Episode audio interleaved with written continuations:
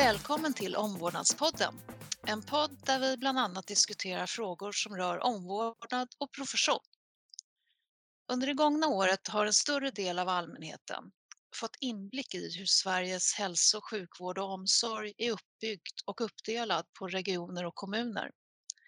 En mycket viktig roll i kommunerna är därmed den kommunala hälso och sjukvården.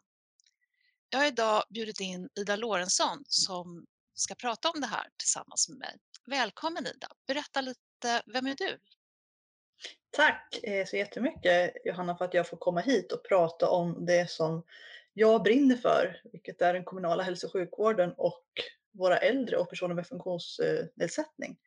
Eh, Ida heter jag, eh, har jobbat som medicinskt ansvarig sjuksköterska i sex år i en ganska så stor kommun i Sverige med ungefär 70 000 invånare.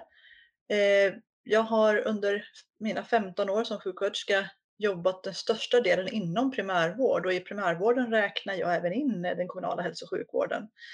Eh, vi har eh, Kommunerna bedriver ju ungefär 30 procent av Sveriges hälso och sjukvård och har, precis som du sa i inledningen, haft vissa problem att synas och höras i debatten. Eh, pandemin har ju verkligen lyft oss eh, inom kommunala sjukvården och man har fått upp ögonen för våran komplexa och faktiskt ibland väldigt svåra värld som vi verkar i. Ehm, jag har som sjuksköterska eh, jobbat som sagt i 15 år inom den här delen av hälso och sjukvården och har i botten en distriktssjuksköterskeexamen. Men jobbar nu de senaste åren då mest med övergripande och strategiska och medicinskt ledningsansvar. Eh, så. så det är väl jag. Men eh, en, en MAS, vad, gör en MAS? Eh, jag vet ju att en MAS är eh, sjuksköterska eh, så det, och sen så medicinskt ansvar i kommunen. Men eh, berätta lite mera. Eh, ja, som MAS har man ju vad man kallar särskilt medicinskt ledningsansvar.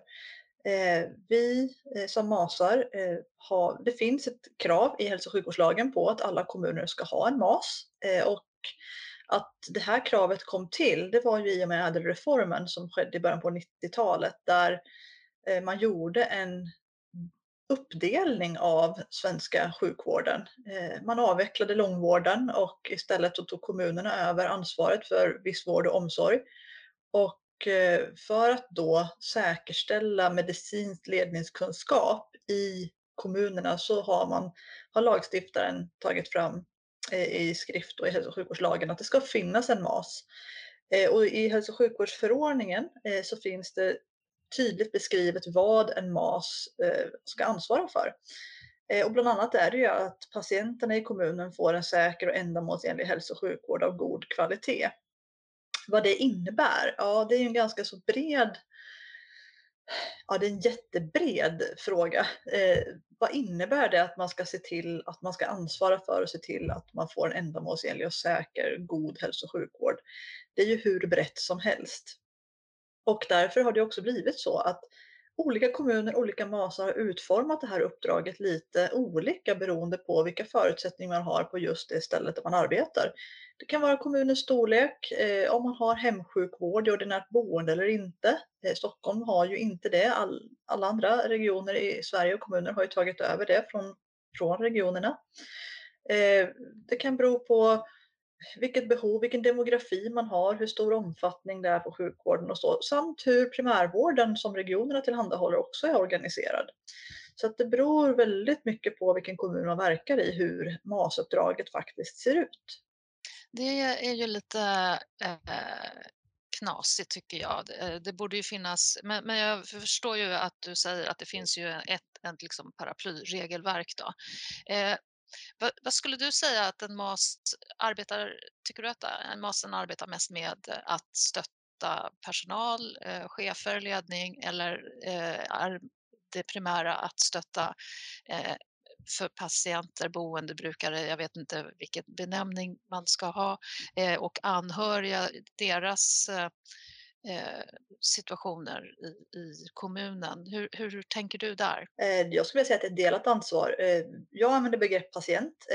Vi arbetar enligt hälso och sjukvårdslagen. Sjukvården i kommunerna är precis som sjukvården i regionerna utförs med grund i hälso och sjukvårdslagen, alltså har vi patienter. Det här är också ett jag skulle säga att vi har rört till det ganska mycket. Jag, jag tror att ädelreformen syftade till, eller jag vet att den syftade till att, att få sjukvården att komma närmare den sociala omsorgen. Att få ihop det till en helhet. Och efter 30 år så är det nog dags att börja se över det här för att det har blivit ganska rörigt. Det har blivit, eh, vi har, trots att vi har gjort de här förändringarna så har vi en ganska fragmenterad eh, vård och omsorg i kommunerna och med regionen då som huvudman också. Och det här har ju Coronakommissionen eh, och coronapandemin lyft upp väldigt tydligt. Hur komplex och hur svår vårdapparaten faktiskt är att navigera i. Ehm, jag skulle säga att som MAS så försöker man vara någon form av lots, man försöker vara en översättare i många fall. Man försöker också kämpa för att den kommunala sjukvården ska finnas med på arenan som en part i sjukvårdsdiskussioner. Eh, ofta hamnar vi i den kommunala hälso och sjukvården i slasken brukar jag säga för att när man kommer, man bor hos oss. Vi sköter sjukvården i hemmet, både då i största delen av Sverige i ordinärt boende i, i sin egen bostad samt i särskilda bostäder då för äldre och personer med funktionsnedsättning. Och vi kan aldrig säga nej, vi kan inte säga stopp. Vi kan inte säga att vår vårdavdelning är full eller vi kan inte stänga en avdelning utan eh, de senaste åren har det blivit lite så att vad är kommunal hälso och sjukvård? Jo, det är det som regionerna upplever att de inte har möjlighet att utföra och det kan vara beroende på tidsbrist, resursbrist eller att man har gjort en förändring i regionen som gör att helt plötsligt så anser man att det här är hemsjukvård och kommunen får stå och ta emot och rigga för det. Vilket gör att det har blivit lite, det finns vissa konflikter men det har också blivit väldigt svårt att bedriva den kommunala hälso och sjukvården på ett patientsäkert sätt. Eh, och precis som du sa så så har vi då den här splittrade delen att man verkar för patienterna, man verkar för anhöriga och man försöker stötta verksamheterna eh, och man försöker också vara en form av ledningsfunktion. Och eh, tyvärr ser det ut så ute i Sverige idag att MASen sitter inte alltid i ledningsfunktion i kommunerna utan ganska ofta är MASen placerad ett par nivåer ner i organisationen eh, under en avdelningschef eller så. Eh, vilket gör att det medicinska ledningsansvaret blir ganska långt ifrån där man faktiskt fattar beslut. Ehm, och det tror jag är en bidragande orsak till att vi ser de här bristerna i sjukvård för våra äldre som nu har kommit fram i samband med coronapandemin. Ja, verkligen. Det låter ju faktiskt inte riktigt klokt. Om man har nu, eh, är den högst medicinskt ansvariga i en kommun, vilket för mig en väldigt viktig funktion, så borde man ju också definitivt vara med i den högsta ledningen så att eh, besluten blir korrekta. För att eh, du nämnde ju den här kommissionen nu då, som har utrett eh, eh i pandemins spår att eh, de eh, påpekade ju då att sjuksköterskebemanningen i kommunerna har ju varit eh, på vissa ställen förfärande låg. Och det är ju, alltså finns det ingen reglering över hur mycket sjuksköterskebemanning man behöver för att eh, det här är ju svårt sjuka eh, personer faktiskt, patienter som vi pratar om. De, jag menar, de, det är de allra äldsta och sköraste som ofta har eh, många eh, diagnoser, symptom, problem. Ja, absolut. Nej, det finns ingen reglering för det här. Eh, jag kan ju säga att MASar har ju, jag ska inte säga, men vi, vi har ändå högljutt ropat för sjuksköterskans plats i den kommunala vården under många år. Eh, jag har jobbat i 15 år och har de senaste 10 åren sett eh, upplevt en nedrustning av sjuksköterskeinsatser och även eh, alltså hela, hela den legitimerade hela den legitimerade yrkesgruppen inom kommunal vård och omsorg skulle jag vilja säga. Både sjuksköterskor, arbetsterapeuter och sjukgymnaster. Man har stärkt socialtjänstens roll och det är inte egentligen motsägelsefullt, eh, tycker inte jag, utan det här måste, men jag tycker samverkan på något sätt har blivit sämre. Att man har backat in sjuksköterskorna in på ett kontor, att göra rena vad man kallar HSL-insatser. Man har också sjuksköterskor på konsultbasis. Eh, väldigt många har idag sjuksköterska måndag, fredag, dagtid, eh, vilket gör att det blir ju det, har man sjuksköterska på plats måndag till fredag dagtid har man sjuksköterska i verksamheten ungefär 20 procent av verksamhetens drifttid om vi pratar om ett äldreboende. Och det är ju inte riktigt rimligt när du, precis som du beskriver, man har de mest sjuka äldre. Och jag tror att mycket grundar sig i en okunskap kring vad är omsorg och omvårdnad? Bedriver vi äldrevård eller äldreomsorg? Vad är skillnaden? Vem gör vad? Eh, idag är det ju så att jag tycker att vi hör ändå i den offentliga debatten så blandar man äldrevård och äldreomsorg ganska fritt. Man vet nog inte riktigt vad det är för skillnad. Och jag ska nog sticka ut haken och säga att jag tror inte ens att våra beslutsfattare på Socialstyrelsen och Folkhälsomyndigheten alltid vet skillnaden på äldrevård och äldreomsorg. Jag tror inte att man har definierat det tillräckligt tydligt. Vad är vård? Vad är omsorg? Framför allt inte vad är skillnad på omvårdnad och omsorg? Eh, och vem ska då vara den som är ansvarig för att det bedrivs rätt vård eller omvårdnad eller omsorg. Eh, jag tycker att man väldigt ofta blandar ihop begreppet omsorg och omvårdnad i ett. Eh, och i den konstellationen så pratar man väldigt mycket om undersköterskan. Man pratar väldigt lite om sjuksköterskorna som då är professionen som bedriver kvalificerad omvårdnad, som bedriver omvårdnadsforskning och som då dessutom är de, den profession som driver omvårdnaden framåt. Och vill vi att våra mest sköra och precis som du säger sjuka äldre ska ha en kvalitetssäkrad omvårdnad så måste sjuksköterskan få börja ta sin plats som omvårdnadsproffs i teamet. Och det kan man inte göra enligt mig på distans när man har mellan 600 och 800 patienter man har jour för helg, eh, kvällar och nätter. Eh, det är fullkomligt orimligt. Eh, och jag tror att det här ändå är någonting som man har fått upp ögonen för nu. Men det finns ett grundläggande problem i just den här vem gör vad-kedjan i den kommunala vård och omsorgen. För att du, du har två lagstiftningar. Inom äldreomsorgen så har du ju två lagstiftningar som du jobbar inom. Det är socialtjänstlag och hälso och sjukvårdslag. Och eh, när du ansöker om ett äldreboende till exempel så ansöker du enligt socialtjänstlagen. Eh, du får en utredning gjord av en socionom oftast, som är utbildad i socialtjänstlagstiftning. Eh, utredningen grundar sig på din egen eh, historia som ansökande, eventuellt lite anhöriga. Eh, och sen så brukar även socionomen ta in läkarintyg och ofta en ADL-bedömning som då är genomförd av sjukgymnast och eller arbetsterapeut. Eh, och sen färdigställer man sin utredning eh, och man beslutar då om patienten eller personen i det här fallet får ett äldreboende. Får man ett äldreboende så flyttar man till äldreboendet och man får en beställning skickad till äldreboendet i form av en utredning gjord enligt socialtjänstlagen. Där det framgår vad man har för behov och sen utformar undersköterskor och vårdbiträden en genomförandeplan utifrån den här beställningen då som är gjord från utredningen. Och ingenstans här är generellt sett en sjuksköterska involverad som är omvårdnadsprofessionens proffs.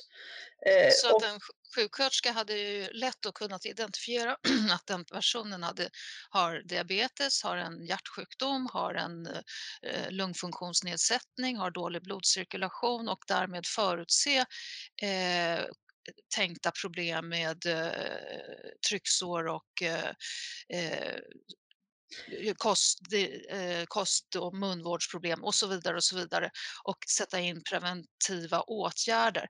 Det är helt enkelt, om jag förstår det rätt, så det finns en så pass stor okunskap om vad professionell omvårdnad eh, faktiskt innebär och vad, vad det är för kompetens som sjuksköterskor faktiskt har.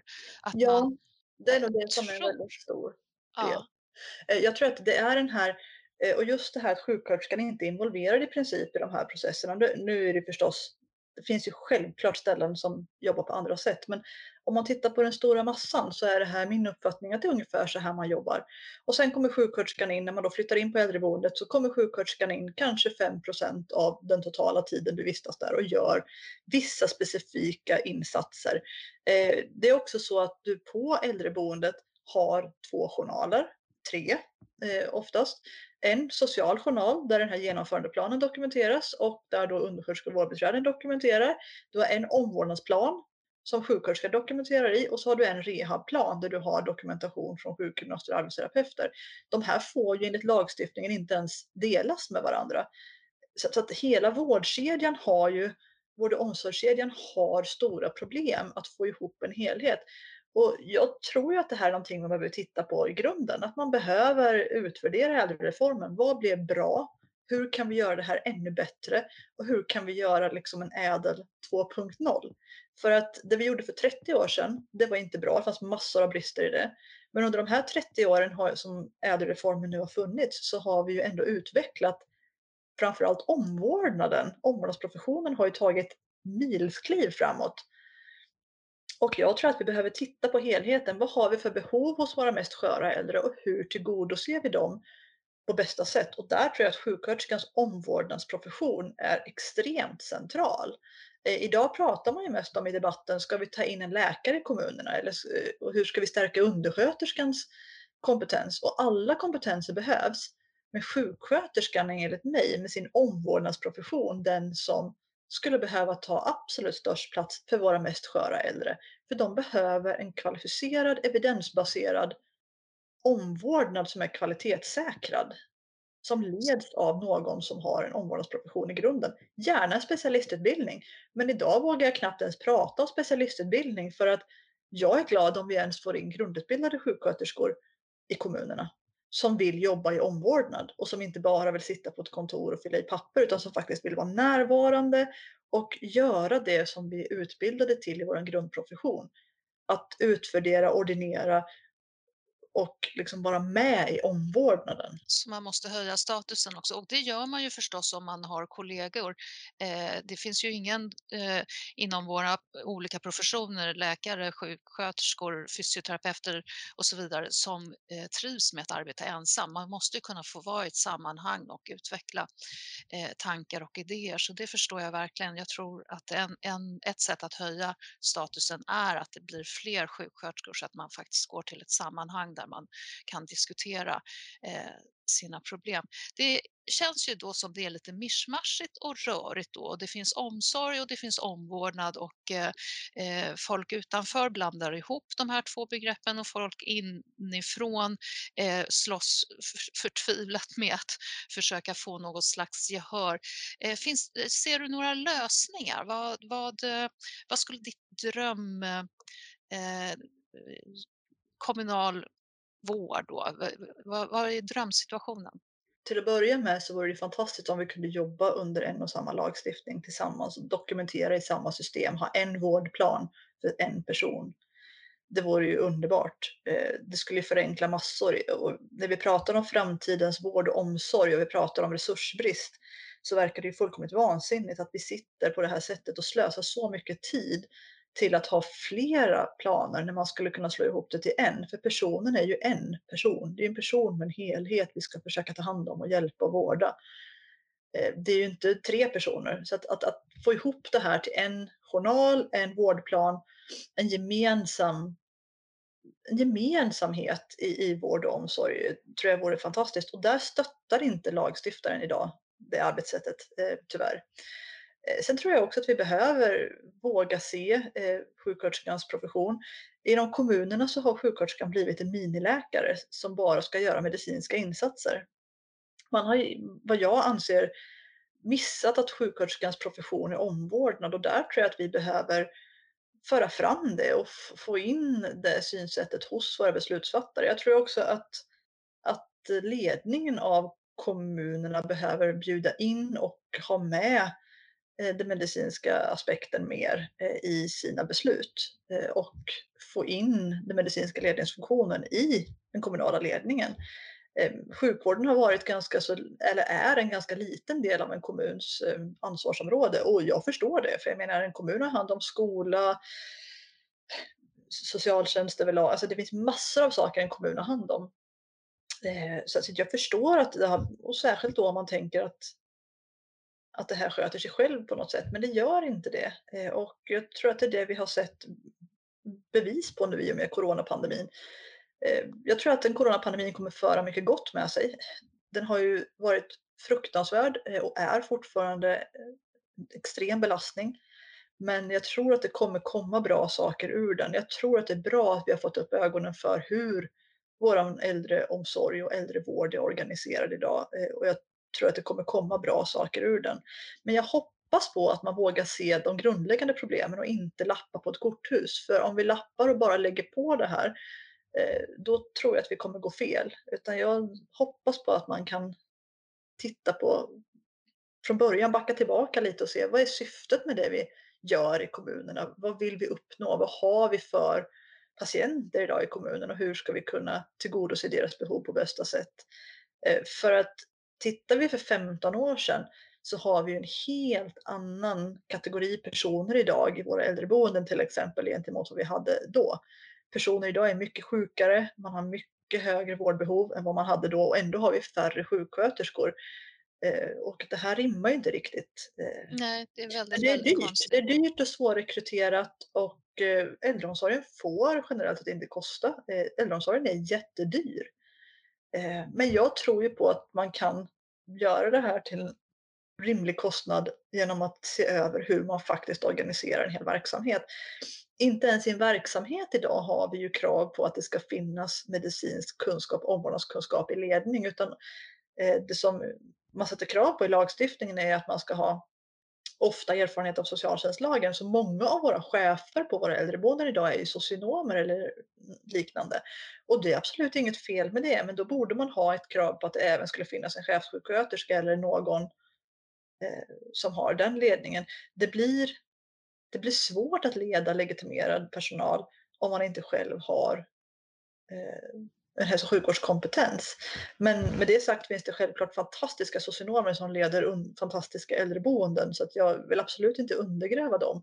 Jag vill bara Nej, utan det är ju ett systemfel. Det handlar inte det om de olika professionerna. Eh, Och precis som du sa innan i den här processen då när man ansöker. Idag när du ansöker till ett äldreboende, du är ju sjuk. Du har ju sjukdomar som gör att du behöver ett äldreboende och de flesta som behöver ett äldreboende har en demenssjukdom. Varför får man inte om man har en demenssjukdom kvalificerad vård och omvårdnad? Varför ska en av våra största folksjukdomar skötas med eh, omsorg och socialtjänstinsatser? Eh. Eh, där kan jag också tycka att vi har gått lite fel. Eh, jag tycker att man behöver en avancerad kvalificerad omvårdnad och medicinsk vård när man har en sjukdom som en demenssjukdom. Så jag hörde säga att eh, det behövs sjuksköterskor på de, eh, i ledningsfunktionerna i de höga instanserna så att, eh, och på alla chefsnivåer. En annan fundering som jag har blivit uppmärksammad på det är ju då att om en patient utsätts för allvarlig skada eller risk för skada i då den kommunala eh, vården så ska en anmälan göras till eh, en kommunal nämnd. Eh, i, i, eh, och då tänker jag, vad finns det för kompetenser i den kommunala nämnden som tar emot den här anmälan? Jag, jag, blev bara lite förvånad för jag tänkte att det var att anmälningarna gjordes som, som man gör regionerna mer. Ja, alltså anmälan ska ju gå till eh, Inspektionen för vård och omsorg, eh, men den ska också gå till nämnden. Och eh, det är ju alltså, kommunerna styrs ju precis som regionerna av politiker och det är ju inte något krav på att man som politiker ska ha en sakkunskap och så ser det ju inte ut i regionen heller. Så att eh, vi jobbar ju inom kommunerna eh, för en politiskt tillsatt nämnd och eh, dit anmäler man ju om man har om det har alltså en lex Maria då inom sjukvården. Eh, och även, men lex Maria-anmälan går ju också in till Inspektionen för vård och omsorg precis som från regionerna. Eh, Så som MAS så anmäler man ju både till nämnden som man då jobbar för eh, och till Inspektionen för vård och omsorg i likhet med regionerna. Okej. Och eh, görs de här anmälningarna ofta? Huh, vad är ofta? Nej, så här ska jag säga. Jag, jag har tittat på det där lite grann och eh, jag blev lite förvånad över att det var så få anmälningar, lex Maria-anmälningar från kommuner eh, jämfört med från eh, sjukhus. Eh, med tanke på den eh, vårdtyngd som ändå är. Ja, jag skulle nog vilja säga att det görs nog inte liksom lex Maria-anmälningar i den omfattning som man skulle kunna göra. Eh, så är det. Jag tror att det saknas både kunskap och resurser kring att göra det. Det sker, jag bruk, ungefär, när jag har tittat på det i min kommun, extremt icke-vetenskaplig undersökning, så är det ungefär 1 av, av läkemedelsdoserna som blir fel. Och Jag menar varenda gång du gör fel i en läkemedelsdos, du ger fel dos eller du ger någon annan dos till eller att en dos uteblir eller så, så är det ju någonting som kan vara livshotande om man skulle dra det så pass långt. Eh, men det är ju inte så man kan jobba. Det går inte att att Eh, göra så mycket anmälningar. Det skulle bli helt ohållbart så att därför så gör man, man sållar ju. Och jag skulle nog vilja säga att det är någon underanmälning eh, från kommunernas håll vad gällande sjukvårdsskador. Eh, eh, och sen ska vi också komma ihåg att inom regionerna så har man ju en större apparat kring det här och du har också en större kunskap och en större vana att göra. Vi har ändå bara haft sjukvård i 30 år i kommunerna. Eh, regionerna har ju hållit på med det här betydligt längre. Jag tänker så här, eh, du säger att det är en ohållbar arbetssituation att anmäla allting. Eh, jag fick en gång i tiden lära mig att det du inte har dokumenterat, det har inte heller hänt. För att insupa då vikten av att faktiskt skriva det man gör inom hälso och sjukvård. Jag tänker att om man nu har ett stort problem med för låg kompetens och vi vet ju också att det på ren rutin sker otroligt otroligt mycket läkemedelsdelegeringar till eh, personal, eh, omsorgspersonal. Eh, och om det då uppstår problem, borde man inte verkligen tokanmäla allting för att belysa att det här är inte hållbart. Vi behöver fler sjuksköterskor. Jo, visst skulle man kunna göra det och jag vet inte om det var exakt resursbrist jag syftade till. Det kan vara flera saker, organisationsbrister, eh, kunskapsbrister. Alltså det, kan vara, det är nog flera saker som påverkar att man inte gör anmälningar. Men ett väldigt tydligt exempel på det här skulle jag vilja säga är coronapandemin faktiskt. Vi har återigen här eh, fått upp ögonen för en skillnad. Eh, titta på hur många äldreboenden i Sverige där vi har haft personer som har avlidit av eh, covid-19. Eller med covid-19 som man får säga ändå, för det är ju inte alla som har avlidit av covid-19. Eh, men som har avlidit med covid-19, där vi har haft en smittspridning som då faktiskt är enligt definition en risk för en allvarlig vårdskada.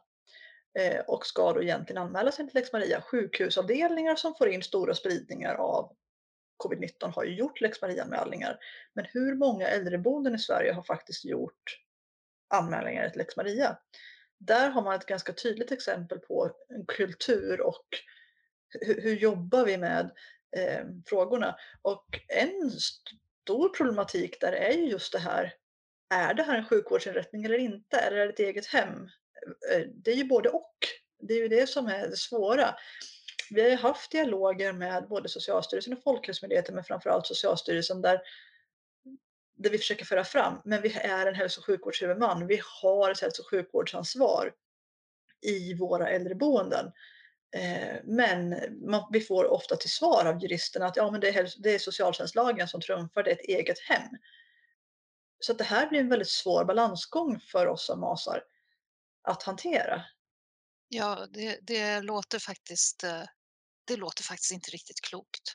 För eftersom liv och hälsa alltid går före eh, eh, då, tycker jag, socialtjänstlagen så tycker jag ju att hälso och sjukvårdslagen borde vara eh, viktigare. Men då är det inte så alltså? Nej, så ser det inte ut idag och eh, där är ingenting som jag lägger en värdering i. Men, men, men det är verkligen så att, att den eh, upplevs enligt oss som jobbar i det och vara underställd socialtjänstlagen. Och det tror jag ofta beror på precis det vi pratade om tidigare att man får en, ut, man får en bedömning enligt socialtjänstlagen, man får ett beslut enligt socialtjänstlag och det är då man får flytta in på ett äldreboende. Hälso och sjukvården är inte med där, hälso och sjukvården bara hänger med på, på liksom sidan om och ska bara hända. De är inte involverade, hälso och sjukvården är inte involverad i beslut, hälso och sjukvården är inte involverad i de här processerna. Ehm, så att det är, eh, det är svårt. Men det vi också har sett här under pandemin, det är till exempel att vi i de kommunerna har ju inte samma vi har inte verktygen att hantera en smittspridning på samma sätt som man har i regionens sjukvård. Vi, vi befinner oss i personens hem. Vi, även om det är ett äldreboende, Eh, som man faktiskt kan diskutera om den är institution eller inte idag när de byggs i de komplexen som de gör med kanske över hundra lägenheter i. Så är det så att vi hur ska vi kunna vi, vi får inte isolera en person. Det går inte ens att tvångsisolera en person som till exempel har en demenssjukdom som inte förstår att man måste vara i sitt rum.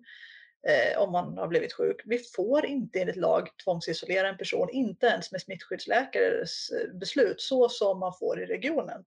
I regionen kan ju smittskyddsläkare fatta beslut om tvångsisolering. Jag är absolut inte för någon form av tvångsåtgärder, det är det värsta jag vet. Men för att rädda liv och hälsa så kan det ju ibland behövas, det är därför lagstiftningen finns. Men vi får inte i kommunen.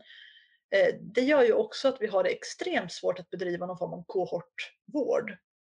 Om personen inte vill vara någon annanstans än i sin lägenhet, även om vi har lyckats skapa någon kohortavdelning eller kohortrum någonstans, vill personen inte vara där så får vi inte på något sätt, då kan vi inte göra någonting.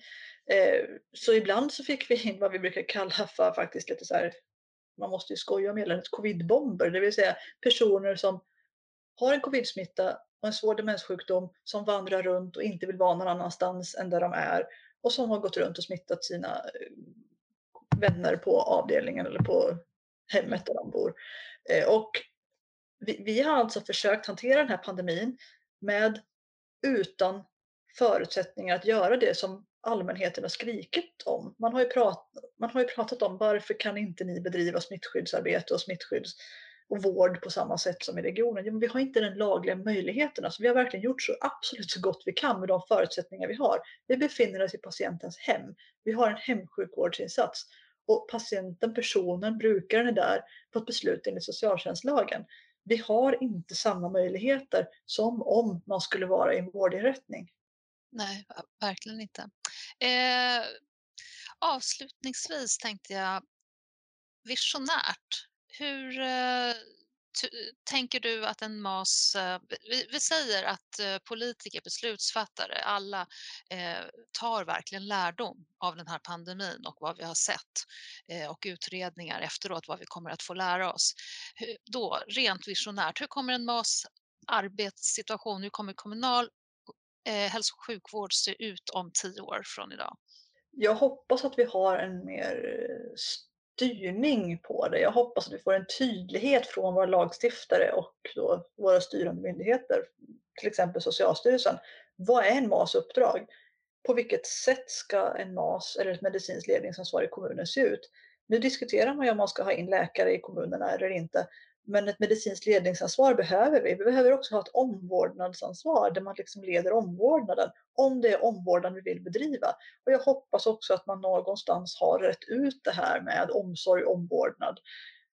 Vad finns det, vad är det vi faktiskt behöver? Vilka processer ska vi ha? Och hur ska man få tillgång till ett särskilt boende? Vilka professioner ska vara involverade och göra den bedömningen? Jag hoppas att vi har kommit steget längre. Jag hoppas att vi vågar titta på ädelreformen och se vad blev bra? Vad behöver vi skruva på för att göra det ännu bättre? Och göra en riktig utvärdering av ädel och se hur kan vi ta det här till nästa nivå så att vi blir ännu ett steg bättre i Sverige. För vi kan, vi har möjligheter, vi har resurser i Sverige att göra det ännu bättre. Eh, vi behöver bara våga ta steget dit. Mm. Tack så jättemycket Ida för att du kom hit och eh, berättade om eh, dina tankar, funderingar och erfarenheter.